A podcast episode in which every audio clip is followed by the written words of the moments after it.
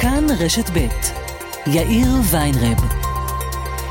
כאן רשת ב'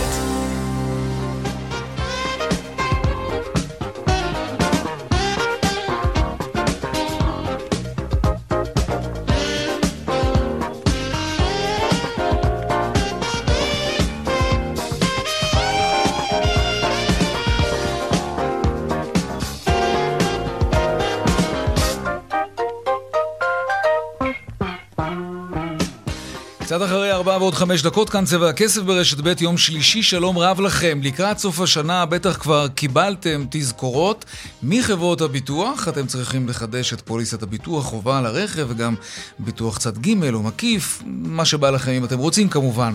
אז ככה, אחרי שבועיים שהייתי תחת מתקפת אס.אם.אסים ווואטסאפים ומיילים, פיניתי אתמול שעה כדי לעשות צרכנות נבונה והתיישבתי על המחשב והתחלתי לפלרטט כמעט עם כל חברות הביטוח.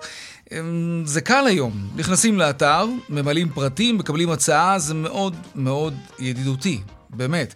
בסופו של תהליך אמ, קיבלתי הצעות של בין 4,200 ל-4,600 שקלים, ביטוח חובה פלוס ביטוח מקיף. עכשיו, מה הקטע? אתה עוד לא מספיק לאסוף את כל ההצעות ולראות מי נגד מי, כן? וכבר מתחילה מתקפת טלפונים. ברגע שהאתר של חברת הביטוח מזהה שאתם קצת, איך נגדיר את זה? נגיד, מתלבטים, בום, טראח, נציג מכירות כבר מטלפן כדי לעזור לכם לקבל את ההחלטה הנכונה. בשבילו כמובן. To make a long story short, הם, הם ממש טלפנו אחד אחרי השני, ולקראת סוף המכרז הזה, כן, שניהלתי מהסלון בבית, נשארתי עם שלוש הצעות, כן, שכל אחת בתורן, החברות, הפחיתה 100 שקל פה, 100 שקל שם. וחכה רגע, אנחנו נשווה לך להצעה של החברה השנייה, ואז החברה השנייה משווה להצעה של החברה הראשונה, ואז החברה השלישית פתאום לא מוותרת, ואתה מקבל כאב ראש בשלב מסוים, אבל בסוף... בסוף סגרתי פוליסה כלבבי ביותר מאלף שקלים פחות מההצעות ההתחלתיות. זה היה שווה, הכאב ראש הזה. אלף שקלים פחות. והיה אפילו קרב מאסף של חברה אחת שהציעה לי לבטל את כבר, מה שכבר סגרתי ממש לפני רגע. וזה כדי לקבל עוד הנחה של 200 שקלים, אבל לא היה לי כוח לזה. בשנה הבאה, מה שנקרא. עוד מעט נעסוק בהרחבה בחידושי הפוליסה לרכב. כאן צבע הכסף, העורך רונן פולק, המפיקה רונית גור אריה, רומן סורקין הוא טכנאי השידור, הדועל של צבע הכסף הוא כסף, כרוכית כאן.org.il. אני יאיר ויינרב, מעכשיו עד חמש אנחנו מיד מתחילים.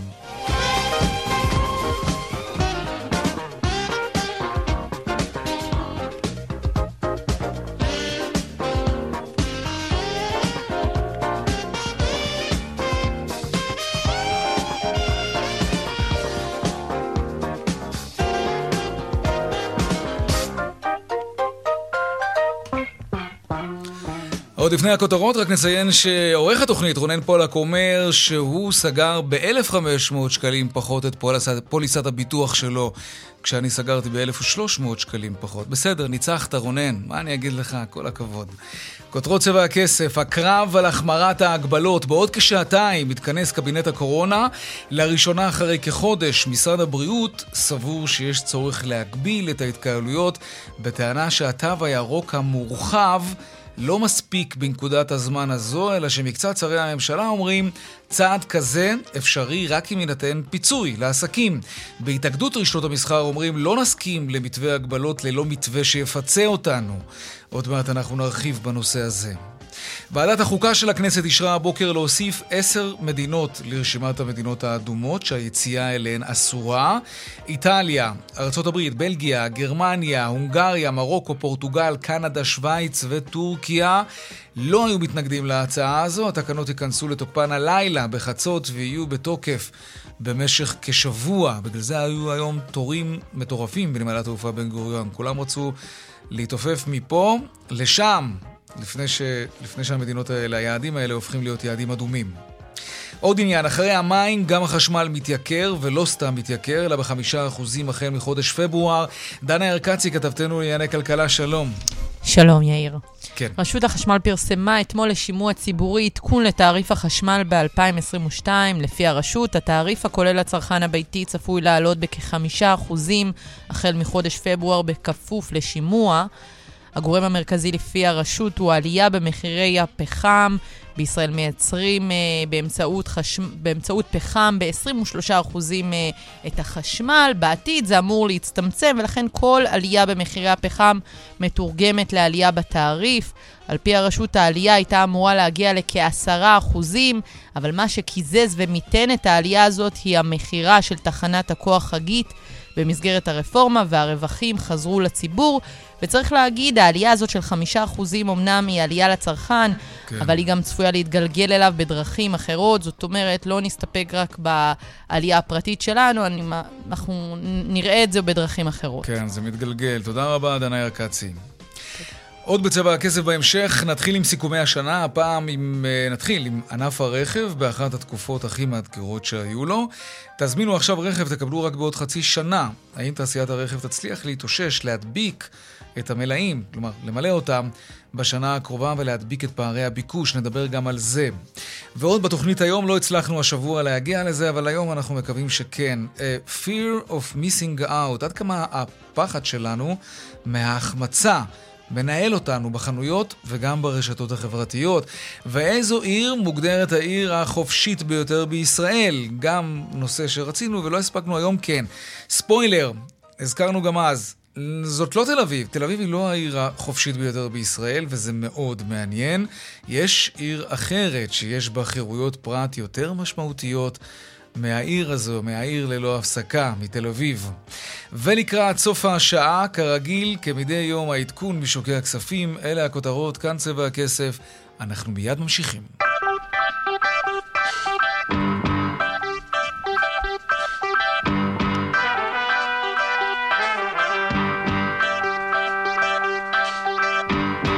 קורונה, ההתפשטות אה, של אה, האומיקרון בישראל, הצוות לטיפול במגפות וועדת החיסונים התכנסו הערב לדיון נוסף במתן חיסון רביעי לאוכלוסייה מבוגרת ולמדוכאי חיסון, וקבינט הקורונה התכנס הערב כדי להכריע בחיים עצמם, בעניין הגבלות נוספות על הציבור ועל המסחר. עמיחי שטיין, כתבנו המדיני, שלום. שלום יאיר. על איזה כיוון זה הולך? גם לך. אה, אחרי חודש אה, קבינט הקורונה מתכנס, הפעם לדון בהגבלות. אה, אבל צריך לומר, בשלב זה עדיין לא ברורה רשימת ההגבלות הסופית עליה ידון הקבינט.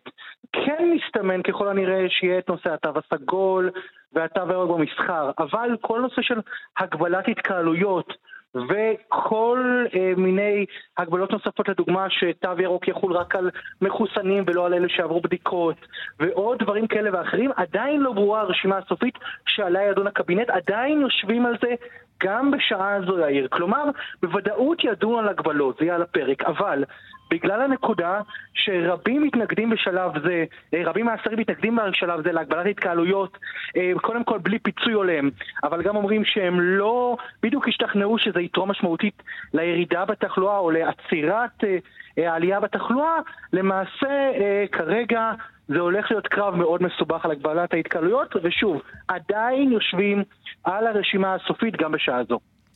עמיחי שטיין, כתבנו המדיני, תודה רבה על העדכון הזה, ובאותו עניין יש אה, כאמור מחלוקת, אולי אפילו כמה מחלוקות, לגבי הגבלת ההתקהלות, אבל כך או אחרת, כמו שאומר כתבנו עמיחי שטיין, יהיו הגבלות נוספות, ומי שיצטרך להתמודד עם זה אלו בין היתר בעלי העסקים, שאולי כבר לא יוכלו לקבל תנועה חופשית. של לקוחות. שלום שחר תורג'מן, יושב ראש התאגדות רשתות המסחר והאופנה ויושב ראש קבוצת בריל, שלום לך. שלום, צהריים טובים. מה אתם דורשים מהממשלה? תהא ההחלטה אני... שיקבלו אשר תהא. טוב, אני אגיד לך מה אני דורש. אני רוצה שהמאזינים שלך יאזינו קשב רב למילה המשפטים הבאים. תראו, תראו מה ממשלת ישראל רוצה. הם רוצים שהאזרחים יוכלו להגיע לקניון באוטובוס בלי תו ירוק.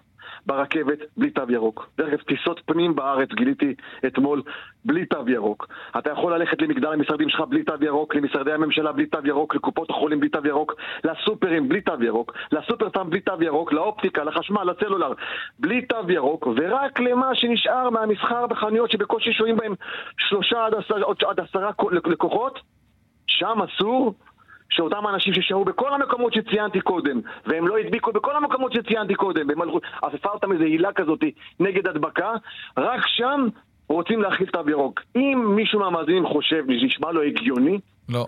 ההחלטה הזו נשמעת הגיונית, אתה עכשיו מראיין אותי, זה נשמע לך הגיוני? תיארתי לך את המסלול, המסלול שכל הלקוחות עושים. משרד הבריאות, באופן עקבי, מתחילת המשבר הזה, ועד היום נטפל למסחר באופן לא ברור. אתה יודע למה? כי אין להם אומץ או אין להם היכולת, או גם וגם, להתמודד ישירות עם הבלתי מחוסנים. הם לא רוצים לעשות, כמו שבמדינות מערביות אחרות מתוקנות עושים, לא סגר על הבלתי מחוסנים, לא לקנוס את הבלתי מחוסנים, לא להעלות להם את פרימיית הביטוח, לא למנוע מהם לטוס, לא, לא עושים שום דבר את זה לא יכולים לעשות, אבל מה, למסחר, המסחר הקטן, דרך אגב, זה לא המסחר הגדול, הרי הסופרים, יש שם צפיפות בלתי נסבלת, הסופר פארמים צפיפות בלתי נסבלת. כל המשרדים, כל מה שציינתי לך קודם זה, זה תחבורה ציבורית, צפיפות בלתי נסבלת.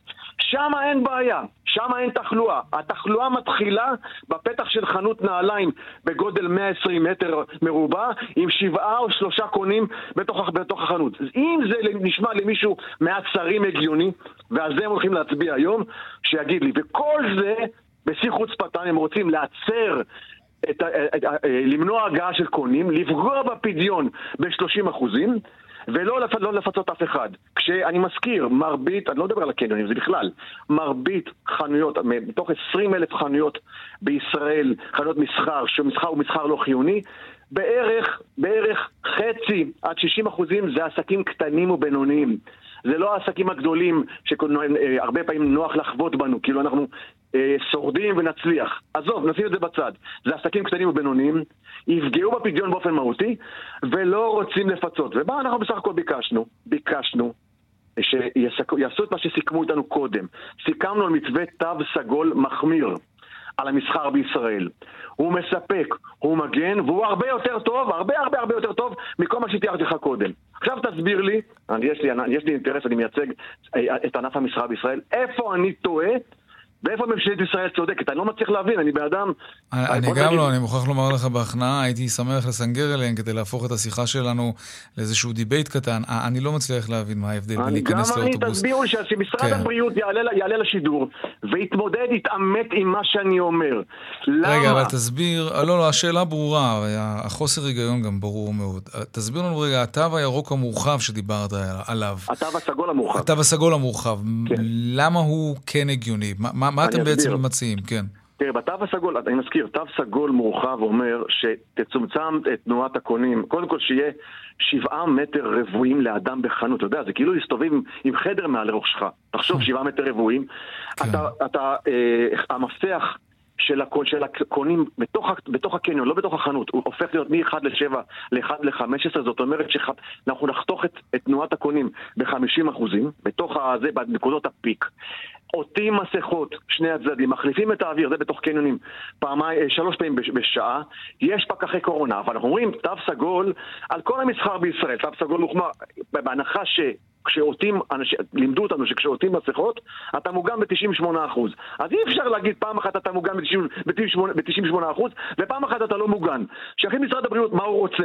אנחנו לא מצליחים להבין מה, מה רוצים איתנו. אנחנו, אנחנו רק מבינים שכל הזמן, באדיקות רבה, נטפלים אלינו, ועוזבים את משרדי הממשלה, ועוזבים את הבנקים, ועוזבים את קופות החולים, ואת בתי החולים, ואת מגדלי המשרדים של ההייטק, אלפי אנשים עולים ויורדים כל יום, תחבורה ציבורית, לא, שמה לא נדבקים, שמה לא קורה כלום. כן. רק אצלנו במסחר קורה. שמישהו יגיד לי שזה הגיוני, ושמישהו יתעורר, המלך הוא עירום, אני מנסה לצעוק את זה כבר שנתיים, ואני צועק את זה עוד פעם אחת אצלך בתוכנית. אלוהים אדירים, תניחו למסחר. דיברו איתכם... המסחר לא אשם בתחלואה. שחר, דיברו איתכם על פיצויים למקרה שהחלטה כזאת בכל זאת תתקבל? לא, שר האוצר מודיע שלא יהיו פיצויים. שלא יהיו פיצויים. מה לגבי מתחמי החיסונים? ב-30% ולא יהיו פיצויים, סליחה? לגבי מתחמי החיסונים שמחר אמורים להיפתח בקניונים, איך אתם נערכים לזה? זה זה עוד משהו, עוד משהו גאוני. רוצים שייפתחו, רוצים, רוצים להגביה, להצר את צעדינו, לפגוע במסחר, רוצים שאנחנו נירתם, נגיד שנרתמנו, תראה איזה היגיון מדהים. זאת אומרת, יהיה מתחם חיסונים בתוך הקניון, אבל לתוך הקניון ייכנסו רק עם תו ירוק. אז איך ייכנסו הבלתי מחוסנים לתוך הקניון, תסביר לי? אוקיי, אתה יודע, הרס מי כס אני חושב. שחר תורג'מן, יושב ראש התאגדות רשתות המסחר והאופנה ויושב ראש קבוצת בריל, תודה ובהצלחה. תודה רבה. כן. טוב.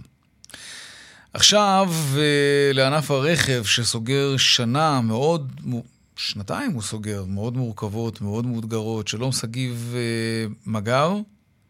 מגר, נכון. מגר, מגר, מנכ"ל קבוצת ריידמוביל, שלום לך. שלום גם לכם, אהלן. אהלן, שנתיים לקורונה, שנה ראשונה למגפה, הביקושים צנחו, אנחנו זוכרים, שנה אחרי זה התנפלו. עד כמה ההתנפלות הזאת עוד מורגשת כשאתה בא לרכוש רכב היום? כמה זמן אני אחכה למכונית חדשה? אה, מאוד משתנה, תלוי בסוג הרכב ובדגם, אבל אה, אה, זמני ההמתנה יכולים להגיע גם לארבעה, חמישה חודשים, גם שמונה חודשים, ולא תמיד גם מתחייבים למועד הזה. אוקיי. זאת הסיבה, אגב, שיש פחות פרסומות עם מכוניות בזמן האחרון? לגמרי, כן, בין היתר. כלומר, אין ליבואנים כל כך מה להציע, בטח לא מלאי קיים, אז מורידים את הנוכחות ב... נכון, חד משמעית. אוקיי. תגיד, וכמה זה באמת ההתנפלות והביקושים הגדולים אחרי שככה הכל נפתח, ולך תדע אם הכל חלילה לא ייסגר שוב, אבל עד כמה זה הביקושים, או אה, עוד עניין שדיברנו עליו לא מעט בתקופה האחרונה, וזה המחסור ב, בצ'יפים, בשבבים, שאנחנו יודעים שמשפיע מאוד על תעשיית הרכב, ונדמה לי גם אחד היצרנים אמר שהוא לא יכול לייצר יותר עד שלא יגיעו אותם שבבים.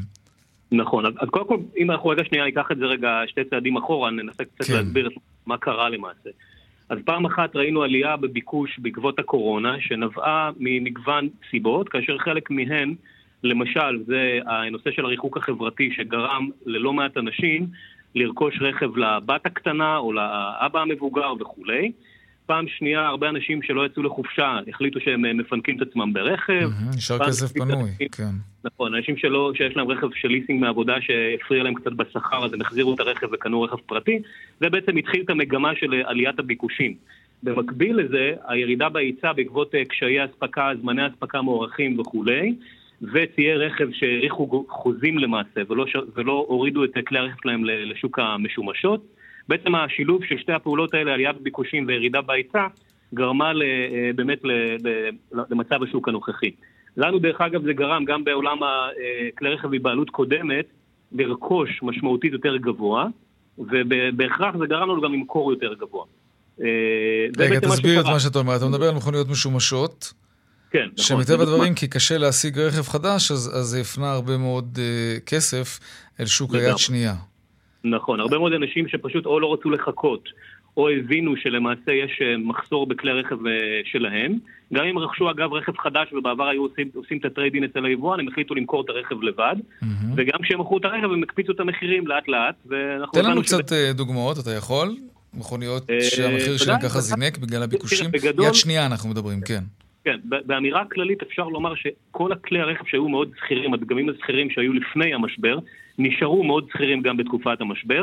אנחנו חווינו עליות שבין 7 ל-15 אחוז אה, במחירים של כלי רכב שכירים מאוד. אה, ובהתאם לכך, זה, כך אתה רואה גם את השוק. אני, אני חושב שגם אה, לראשונה מזה המון המון זמן, מחירון לוי יצחק אפילו העלה מחירים mm.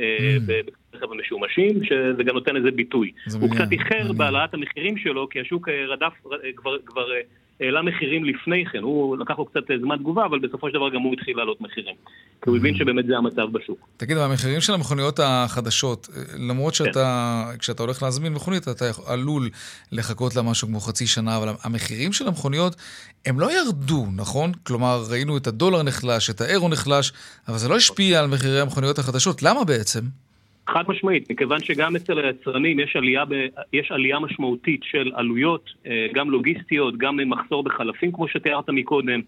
אה, בסופו של דבר גם לכל, לכל מדינה יש את הקווטה שלה, את, ה, את המכסה השנתית שלה, ומדינת ישראל בסוף היא מדינה יחסית קטנה, אז uh, אותם יצרנים מתעדפים, הם נותנים למי שמשלם להם יותר כסף על הרכב יותר כלי רכב, ואם אתה מדינה גדולה אז מן הסתם תקבל קצת יותר כלים, ובישראל עדיין השוק הוא יחסית מצומצם, למרות שעדיין יש פה uh, באמת uh, uh, כמויות משמעותיות ביחס לאוכלוסייה, אבל עדיין כל השילוב של הדברים האלו גרם בעצם לזה שהמחירים עלו ולא ירדו.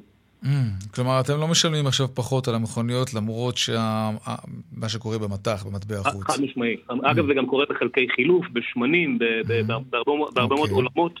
שהם after market ולא רק הרכב עצמו. תגיד, תן לנו איזה מפת דרכים, לפחות אה, תאריך מפת דרכים, אה, עד, עד מתי זה יימשך? הנבואה לשוטים, נכון. ובאמת המצב שוק הוא, אנחנו רואים פה בעצם סוג של גלי הדף של פוסט קורונה, ואנחנו באמת עדיין נמצאים בתוך הקורונה, אנחנו לא, לא יצאנו מזה. אה, אבל מצד שני אני חושב שבסופו של דבר אה, בטווח הקצר-בינוני, קרי אה, בחצי שנה הקרובה אנחנו עדיין נראה לחץ משמעותי מבחינת המחירים, זאת אומרת נראה עדיין היצע מוגבל וביקוש גבוה, אבל תוך חצי שנה אני חושב שהשוק קצת ישתנה. עדיין זה לא אומר שהמחירים ירדו, זאת אומרת עדיין אנחנו רואים פה שבאמת חלק מה... ייקח לא מעט זמן עד שהדברים האלה ישתחררו חד משמעית, אנחנו... אבל מצד שני אתה יודע, גם בשוק עולה וגם בשוק יורד מי שיודע לקנות טוב ולמכור טוב יודע לעשות את זה כמו שצריך, ואתה יודע, מי שיודע לעשות את זה פשוט ימשיך לעשות את זה, ואם אתה בסוף צריך רכב, נכון. אז uh, אתה מוכר או קונה בהתאם. טוב, אז, בוא נדבר קצת על, על אה, מכוניות חשמליות.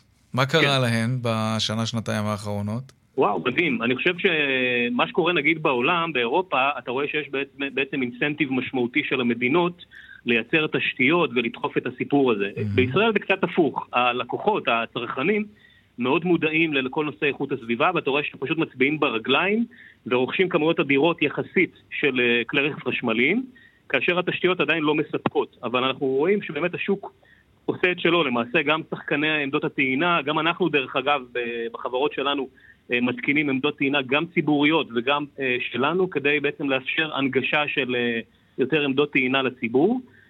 ואנחנו רואים באמת שלשם השוק הולך, אנשים באמת מודעים לסביבה ורוצים להוריד את האימפקט הסביבתי אה, בכלל, הישראלים הם early adapters, הם אה, אוהבים, אה, אתה יודע, לקנות את הגאדג'טים ראשונים, ולגמרי כן. רואים את זה כאן. תגיד, אלו הן המכוניות הפופולריות, נשים רגע את טסלה בצד, אלו עוד דגמים חשמליים לחלוטין.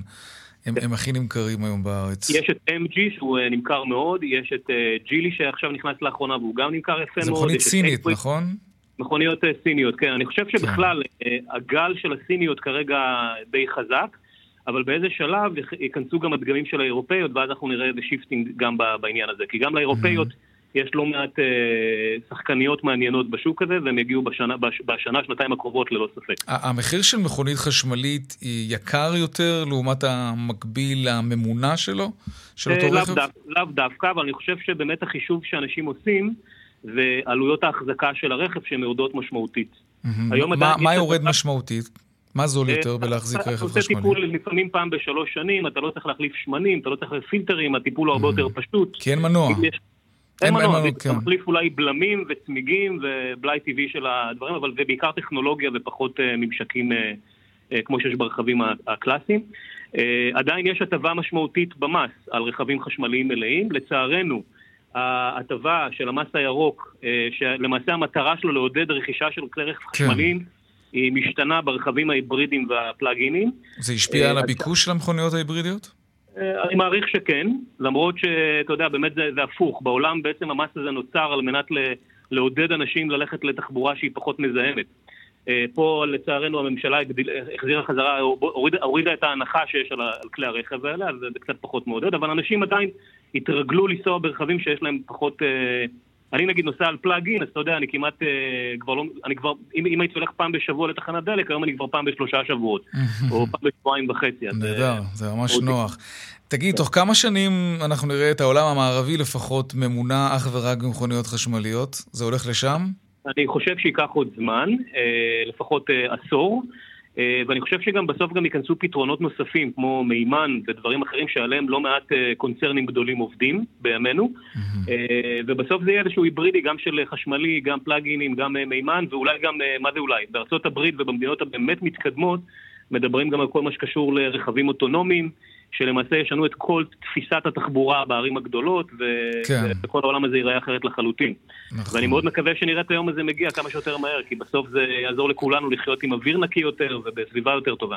נכון, ולא נראה את מזג האוויר משתגע. שגיב מגר, מנכ"ל קבוצת ריידמוביל, תודה רבה לך. תודה לכם. להתראות.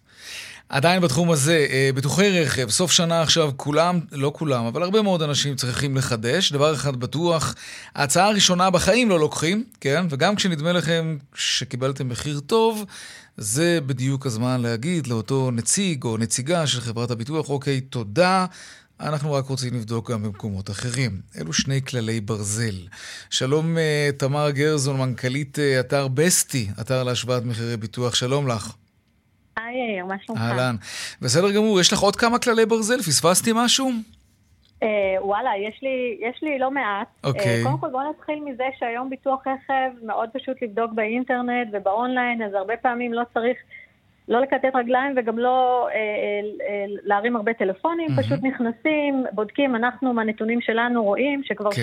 70-80 אחוז עושים את הבדיקה הזאת באונליין. אז כבר יש השוואת מחירים ראשונה, וכמובן בבסטי אפשר באמת גם לראות 17-18 הצעות בכל חיפוש, ולראות את המחיר הזול ביותר, מה הכיסויים שמתאימים לי, אה, אה, מגוון הצעות, וכמובן את המחירים אז שלהם. רגע, בואי בוא, בואי באמת נדבר על בסטי. מה, מה אתם בעצם עושים? קודם כל, השירות שאתם נותנים הוא שירות חינמי?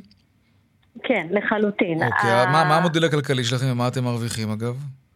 אז זהו, אז אנחנו בעצם סוג של אה, אגרגטור, כמו הרבה אגרגטורים בתחומים אחרים, אם זה בתיירות, אה, כן. רובכם בטח מכירים את סקייסקנר, נכון. אה, אם זה זאפ, השוואת מחירים. אז אנחנו בדיוק השחקן הזה, אבל בביטוח. התגמול שלנו זה בעצם תגמול מהשחקנים שנמצאים בזירה. אנחנו לא, לא מחייבים את הלקוח הסופי, ללקוח הסופי בעצם למי שמחפש את הביטוח, השירות הוא בחינם. אתם לא קשורים בעצם- כלכלית, חוזית, אה, קניין רוחנית לחברה כלשהי, אתם גוף ניטרלי לחלוטין. לחלוטין. גוף אוקיי. okay. ניטרלי, אה, לא מפוקח על ידי איזושהי רשות ביטוחית. אנחנו בסופו של דבר חברת אונליין, והמטרה שלנו היא באמת לייצר איזשהו מקום אחד, זירה אחת, שתוכלו, שכל לקוח יוכל לראות את כל ההצעות במקום אחד. במה אתם שונים. מ... אה, איך קוראים לאתר הזה? וובי. מה אתם שונים? וובי. כן. אנחנו, אנחנו לא סוכן, אה, וובי זה סוכן, אנחנו לא סוכן אה, ביטוח, אנחנו בעצם חברת אונליין, חברה טכנולוגית, מהמם. וככזאת בעצם אנחנו מתממשקים לחברות הביטוח ומציגים מגוון הצעות שאת ההצעות האלה מוכרים סוכני ביטוח, מוכרים, אה, מוכרות חברות ביטוח.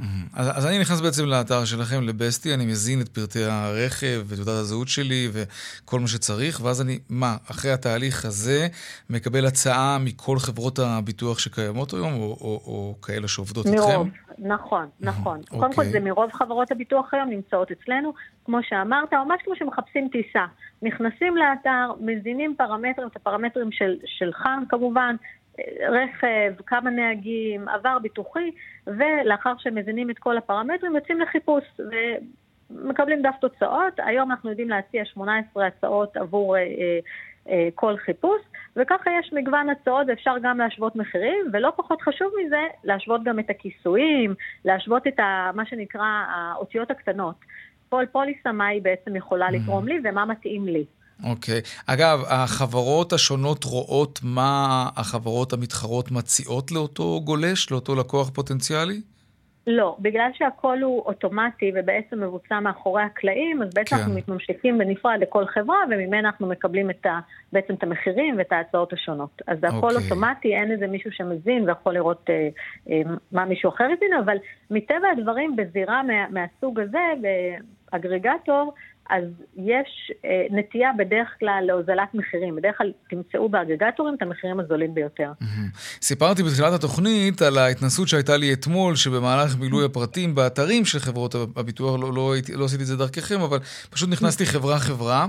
אה, יש שם כנראה איזושהי בינה מלאכותית כזאת שמרגישה את ההתלבטות שלי כגולש, כלקוח, ואז זה, זה, זה די מדהים, כן? פשוט הטלפון מצלצל ועל הקו נמצא נציג מכירות. אה, זה, זה משהו שאני, זה טלפון שאני אקבל גם כשאני אגלוש בפלטפורמה שלכם?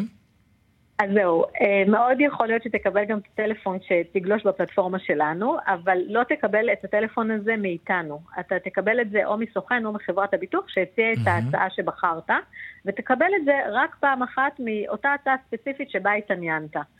אבל המטרה היא לחלוטין לא אה, אה, אה, לרדוף אחרי הלקוח, אלא המטרה היא בעצם לתת שירות ולתת ללקוח איזשהו כלי לקבלת החלטה, גם מבחינת הכיסויים וגם מבחינת המחיר. מהמם. אגב, אה, זה- מאוד דיגיטלי וזה מאוד נוח וכולי, אבל מניסיון אה, שלי בשנים האחרונות וגם של רונן פולק, אה, בסופו של דבר, כשמגיעים לרגע האמת, שיחת טלפון עם נציג יכולה בהחלט להוריד עוד כמה מאות שקלים. אז השאלה היא האם באמת עדיף לסגור את זה כבר במסגרת האתר, או לחכות שירימו אליי טלפון, או ליזום אפילו שיחת טלפון לחברת הביטוח שבחרתי בה, כדי לנסות ולהוריד לה את המחיר. אז זהו, אז, אז קודם כל השאלה שלך היא, היא מאוד מעניינת בהקשר ששוק הביטוח נמצא בו כרגע, כי כן. שוק הביטוח בשנים האחרונות עובר טרנספורמציה דיגיטלית. ויותר ויותר חברות הביטוח מבינות שכדאי להן, וזה גם נכון יותר, הרבה פעמים גם לא רק מהצד של חברת הביטוח שרוצה שהלקוח יסגור באונליין, וזה גם יחסוך לעלויות ומשאבים, זה גם נכון מבחינת הדור הזה לדוגמה, שיעדיף לסגור באונליין ושלא יתקשרו אליו ושלא ירדפו אחריו. שלא יבלבלו לו את המוח, כן. בדיוק. אז, אז הרבה פעמים זה גם נכון ברמת ההתנהגות הצרכנית. אנחנו ראינו בשנה-שנתיים האחרונות ב... בתקופת הקורונה, שהמון המון ענפים הפכו להיות דיגיטליים, הפכו להיות אונליין, וגם תחום הביטוח הולך לשם ויגיע לשם, בטח בביטוח רכב, שזה כמובן אחת הקטגוריות. אנחנו כמובן, גם אנחנו חושבים קדימה גם על עולמות הפיננסיים ועוד השוואות נוספות. לא מזמן הרגולטור כן. גם דיבר על שקיפות בעולם, בעולם המשכנתאות לדוגמה. נכון. בכלל, עולם הפיננסי ועולם הביטוח זה לגמרי עולם ש... כרגע נמצא באיזושהי טרנספורמציה דיגיטלית, ואני מאמינה ומעניין. שזה ילך וישתנה. כן. תגידי, לסיום אני רוצה לשאול אותך, מה אנחנו צריכים כצרכנים להבין מזה שאם לא היינו בודקים או מתמקחים, ונותנים בעצם לחברות האלו, אה, לא היינו נותנים להם לריב עלינו, אז היינו משלמים, לפחות במקרה שלי מאתמול, 1,300 שקלים יותר על ביטוח. אז, כן, אז, קודם כל, ברור זה קצת מאכזב, כי, לא, אני לא מדבר על פער של 200-300 שקל, אנחנו מדברים על מחיר של 1,300 שקלים פחות, לא בקטע של להיות תמים כזה, כן, אבל, אבל זה, בוא'נה, זה ממש שוק. קודם כל נכון, והתחרות היא מאוד מאוד גדולה, ודרך אגב, כשתחרות גדולה, הלקוח בסוף מרוויח, והנה, הצלחת להוזיל משמעותית את הפוליסה, אבל מעבר לזה, לתחרות או למשא ומתן הזה, יש גם כל מיני פרמטרים שכן אולי חשוב להכיר בשביל לדעת איך אפשר עוד להוזיל את, ה, את הפוליסה, ויש שם כל מיני מסלולים וכל מיני הטבות שחברות הביטוח נותנות במסגרת התחרות הזאת, נכון. שהיא בעצם משפרת משמעותית את הפוליסה עבור הלקוח. אני אתן לך דוגמה, יש הצעות של פוליסות. עם ביטול השתתפות נכון, עצמית. נכון, נתקלתי בזה אחד... אתמול. הם כאילו שמים את זה ואז הם מורידים את זה, ואתה כאילו אמור, וואו, ללכת שבי אחריהם, אחרי שהורידו לך את, ה, את, את ההשתתפות העצמית, אבל בעצם כולן עושות את זה היום. אז זאת לא באמת טובה. כלומר, כל החברות שדיברתי איתן אתמול, ביטלו לי את, את, את ההשתתפות העצמית. זה, זה אז... כאילו קצת כמו עז. זה, אה, למרות שאני כן חייבת להגיד שזה לא חייב להיות בכל המסלולים. לכל חברת ביטוח יש מספר מסלולים, ויכול להיות שבמסלול שלך זה באמת היה משהו שהיה כדאי לחברת הביטוח. Mm-hmm. זה לא תמיד קורה, לא בכל המסלולים, אבל זה בהחלט משהו שכדאי להכיר ולדעת, אפרופו אם מתמקחים או אם מנסים להוזיל את המחיר. ויש עוד כל מיני פרמטרים שגם יכולים להוזיל את המחיר מעבר למשא ומתן, כמו לדוגמה, אם אתה נוסע בקילומטראז' נמוך יחסית, אז יש היום מסלולים שהם לפי קילומטראז' וזה יכול נכון. גם להוזיל את המחיר. אם לדוגמה יש רכב חברה במשפחה, זה יכול להוזיל את המחיר. גם לזה שמתי לב, וזה היה די מעניין. נכון, יש טוב, אפילו שווה. חברות, כי, כן, יש חברות שיש לך ילדים שמתחת לגיל 15, זה גם יכול להוזיל את המחיר. נכון, נכון. יש, כן. תמר גרזו, מנכ"לית אתר בסטי, אתר להשוואת מחירי ביטוח, תודה רבה לך על השיחה הזאת. תודה רבה. תודה. להתראות, דיווחי תנועה עכשיו.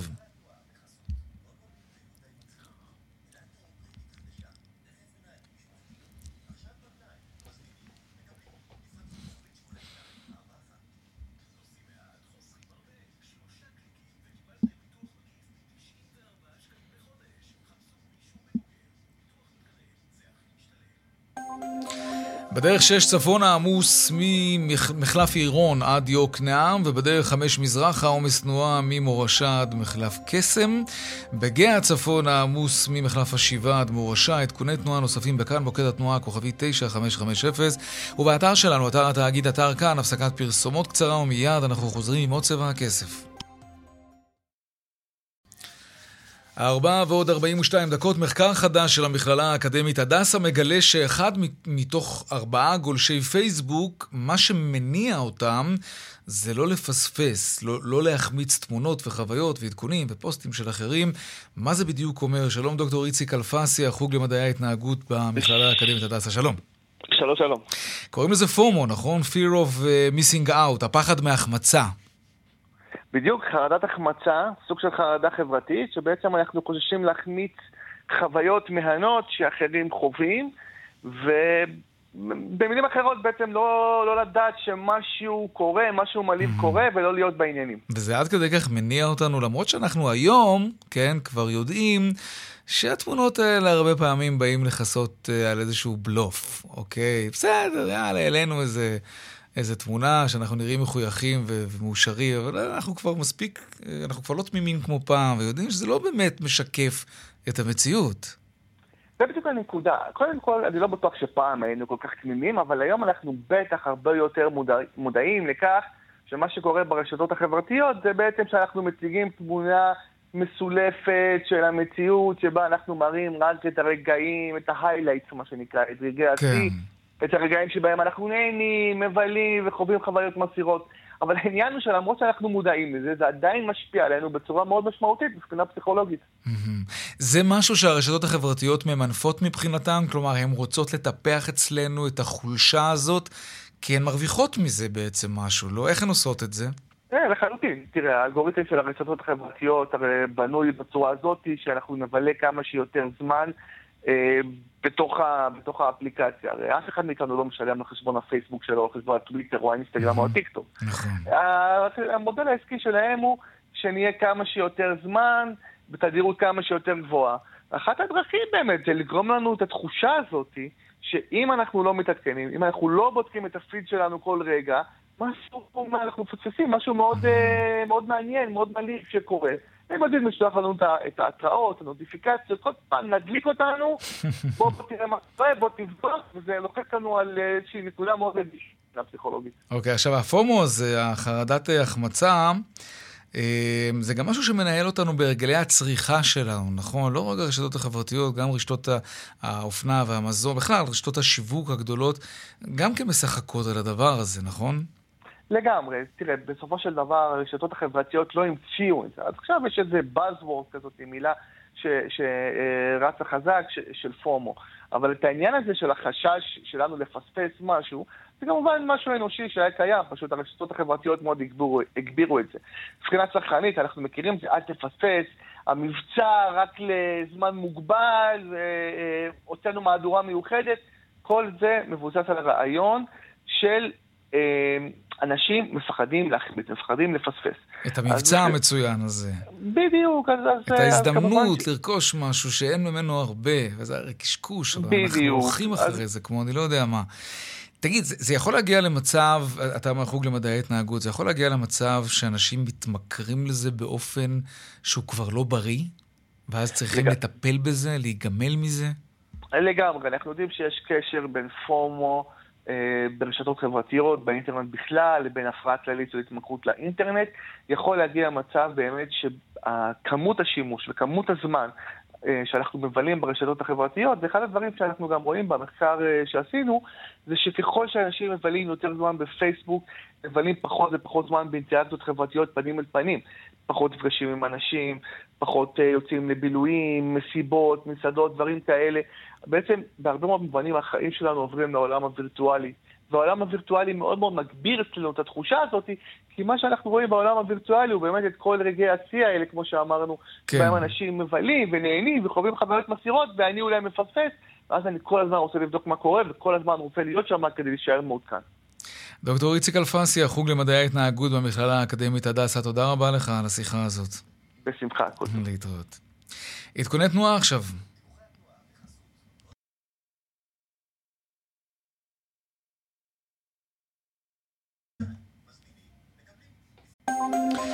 בדרך 65 מזרח העומס ממחלף עירון עד ערה, באיילון דרומה עמוס מהשלום עד לגוארדיה ובגאה הצפון העמוס ממחלף השבעה עד מורשה.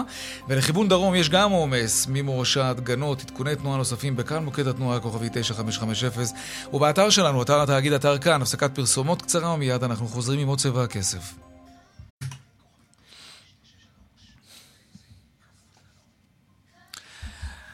תשע דקות לפני השעה חמש, כאן צבע הכסף. עכשיו למשהו שהעיניים שלנו רואות כל הזמן. כמות בלתי נתפסת ונסבלת של מסכות משומשות על המדרכה, אה, בחדרי המדרגות, על הריצה, בכל מקום. קניונים, תחנות אוטובוסים, זה, זה נורא וזה מזהם. שלום אורן הרמב"ם, מנהל איגוד תעשיות מוצרי צריכה ובנייה בהתאחדות התעשיינים. שלום לך. שלום יאיר, ערב טוב. גם לך. התחלתם לבדוק מה אפשר לעשות עם זה, עם החומר עצמו, עם החומר שממנו מייצרים את המסכות האלה. נכון, המסכות הן בעצם, אה, בזכות המסכות, אה, החל בתקופ... מאז שהתחילה הקורונה, אנחנו בעצם יכולים אה, לתפקד ולהגן על עצמנו, mm-hmm. אבל בדיוק כמו שציינת, ברגע שמסיימים להשתמש בהם, אז הן עלולות להפוך גם למפגע, ולכן חוקרי מרכז הפלסטיקה במכללת שנקר, שזה גוף שעושה מחקרים בתחום הפלסטיקה, בוחן כרגע כל מיני אפשרויות, מה ניתן לעשות במחזור של אותן מסכות לשימושים עתידיים. מה למשל? לאיזה כיוון זה הולך? אחת האפשרויות זה למחזר את המסכות אה, בצורה כזאת שיתאפשר להשתמש בחומר שייווצר במסגרת המחזור אה, דווקא למוצרי אה, תשתית שדורשים יחסית חומרים שנדרשים לעמידות גבוהה או לחוזק גבוה, כי הסיבים שמהם בנויות המסכות הם יחסית סיבים חזקים. אז מה, יכול להיות שבלוקים עוד מעט... למשל מוצרי תשתית שהולכים לחקלאות, או שמוטמנים בקרקע. אוקיי, יכול להיות שאנחנו נראה אה, חומרי בניין שמיוצרים בין היתר מהמסכות המשומשות שלנו? גם זאת אפשרות. אל תשכח שמסכות הן מורכבות מכמה חומרים שונים, גם מפלסטיק, גם מגומי, כן. יש גם פס מתכת, כמו שאתה יודע ומרגיש מעל האף. נכון.